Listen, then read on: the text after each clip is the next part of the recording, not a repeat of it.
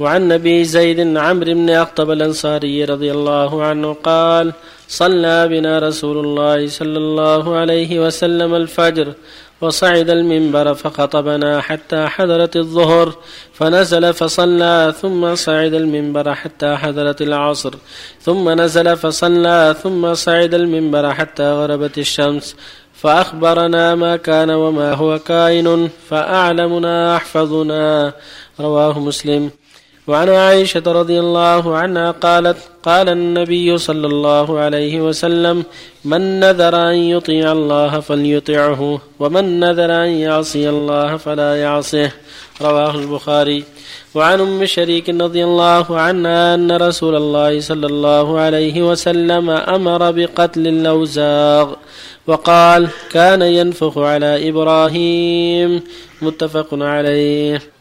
وعن أبي هريرة رضي الله عنه قال قال رسول الله صلى الله عليه وسلم من قتل وزغه في أول ضربة فله كذا وكذا حسنة ومن قتلها في الضربة الثانية فله كذا وكذا حسنة دون الأولى وإن قتلها في الضربة الثالثة فله كذا وكذا حسنة. وفي رواية من قتل وزغا في أول ضربة كتب له مئة حسنة. وفي الثانية دون ذلك وفي الثالثة دون ذلك. رواه مسلم. وبالله التوفيق صلى الله عليه الحمد لله وصلى الله وسلم على رسول الله وعلى آله وأصحابه من اهتدى بهدى أما بعد هذه الأحاديث أيضا في منثورات مما جاء النبي عليه الصلاة والسلام مما يتعلق بمصلحة الأمة ومنفعتها. في الحديث الأول حديث عمرو بن الأخطب في خطبته صلى الله عليه وسلم يوما كاملا يذكرهم بما كان وما يكون وهذا لا شك عن عن, عن أمر من الله له. خطبهم بعد الصبح إلى الظهر وبعد ما صلى الظهر حتى إلى العصر وبعد العصر حتى غربت الشمس. يذكرهم بما كان وما يكون. فاعلمنا احفظنا وهذا يدل على أنه صلى الله عليه وسلم في بعض الأحيان قد يطيل الخطبة لأمر عارض. وإلا فالغالب عليه صلى الله عليه وسلم عدم التطويل والإيجاز في الخطب كما قال عمار رضي الله عنه عن النبي صلى الله عليه وسلم قال إن طول صلاة الرجل وقصر خطبته مئنه من فقهه فاطلوا الصلاة وأقصروا الخطبة لأن تخفيفها وتقليلها أقرب إلى حفظ الناس لها وتأثرهم بها. ولكن متى دعت الحاجة إلى الإطالة لأسباب عارضة فإنها تطال حسب الأسباب المقتضية لإطالتها. وفي هذا الحديث أنه خطبهم صلى الله عليه وسلم بعد الصبح حتى الظهر ثم نزل فصلى الظهر ثم خطبهم حتى العصر ثم نزل فصلى العصر ثم خطبهم حتى الغروب. لعظم الأمر. ولا شك أن ذلك عن أمر من الله له حتى يبلغ الناس المهمات التي ينبغي يعرفوها عما كان وما يكون. والحديث الثاني والثالث الأمر بقتل الأوزاغ. وأنه ينبغي قتلها لأنها خبيثة وهي ممن كان ينفخ ضد إبراهيم عليه الصلاة والسلام ولما ألقي في النار. والوزاق هي الضواطير يسمى يسمى الضاطور الوزق فالسنة قتله أينما وجد. كما تقتل الفواشق الخمس الحداء والعقرب والفأرة والكلب العقور والحية. هذه أوزاع كذلك تقتل لخبثها متى وجدت. كذلك حديث يقول صلى الله عليه وسلم من نظر يطيع الله فليطعه. ومن نذر أن يعصي الله فلا يعصي. وفي حديث عائشة رضي الله عنها. هذا يدل على وجوب الوفاء بالنذور إذا كانت في طاعة الله. مثل أن ينذر أن يصوم يوم الخميس يوم الاثنين أن يصوم ثلاثة أيام أن يصوم شهرا. يلزمه الوفاء بالنذر. ينذر يتصدق بكذا أن يحج أن يعتمر. يلزمه الوفاء بنذره. لقوله صلى الله عليه وسلم من نذر أن يطيع الله فليطعه. ولكن لا ينبغي النذر. قال لا تنذروا فإن النذر لا يرد من قدر الله شيئا. وإنما يستخرج به من البخيل. ولأن الإنسان قد يندم وقد يتعب فلا ينبغي له النذر.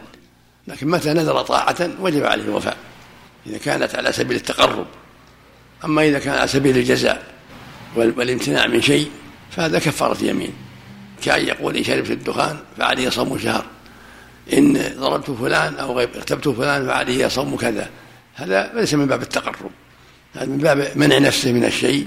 فيكون حكم حكم اليمين كفارة كفارة يمين أو علي كذا وكذا صدقة إن سافرت إلى كذا أو كلمت فلانا قصد الامتناع.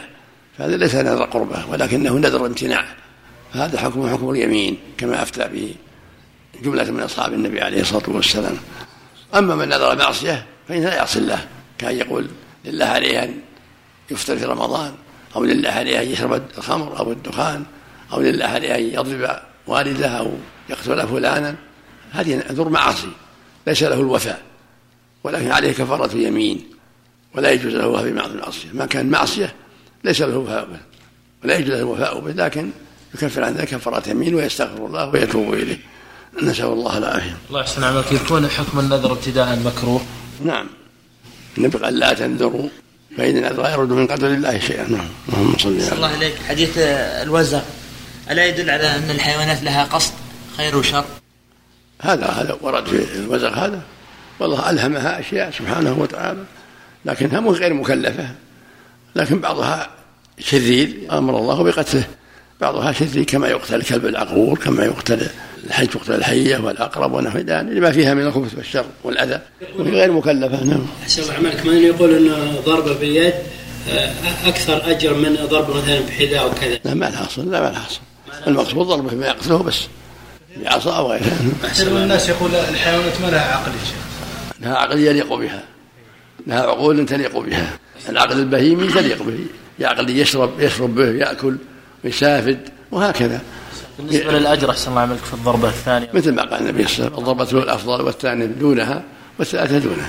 هو المقصود من هذا الحث على العناية بالضرب. هذا المقصود. ما ورد أحسن الله عملك سبعين وخمسين. ما يخبر إلا ثلاث أحسن الله عملك أحيانا في مثلا في أثناء الخطبة يكون هناك صغار السن آه، في الوراء في الخلف يعني.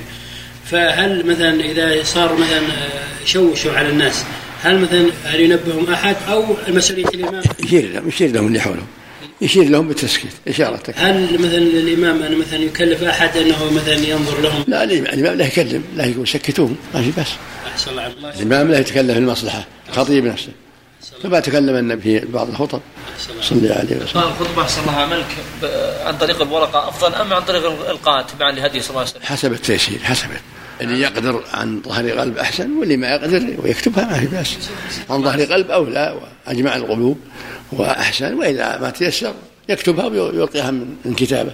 الله يحسن كثيرا من الناس يدخل يوم الجمعة والإمام يخطب ولا يصلون تحية المسجد. فهل الإمام أن ينكر لا السنة يصلوا من دخل والإمام يخطب يصلي الراتبة يصلي التحية. والإمام لا ينبههم عليه ينبههم ولهذا لما رأى رجل دخل ولم يصلي التحية قال قم فصلي ركعتين. وهو في الخطبة عليه الصلاة والسلام. لكنه أحسن الله عملكم كثر. هل ينبه كل واحد يدخل؟ لا ينبه ينبه في العموم يعرفون إن شاء الله. هو يراهم على المنبر أحسن إيه؟ لكن هل ينبه؟ يقول من دخل فليصلي ركعتين. من دخل المسجد فليصلي ركعتين ولو كان الإمام يخطب. ينبههم. حتى يبلغ أمر الله. أحسن الله إليكم يا شيخ. هل يجوز الوكالة في المشايخ مثلا بتوزيع الكتب مثلا أو توزيع الأشرطة مثلا؟ واحد يوزع كتب الشيخ فلان أو الشيخ فلان أو الشيخ فلان. التوكيل له. التوكيل فيما أباح الله جائز. أقول التوكيل فيما أباح الله جائز. في الكتب وغيرها توكيل الكتب وتوزيع الدراهم توزيع الألبسة توزيع الطعام. لكن يمنع غير يعني يمنع واحد الثاني حسب ما حسب يعمل بالوكالة. إذا قيل لا يعطي عبد الحكيم لا يعطي عبد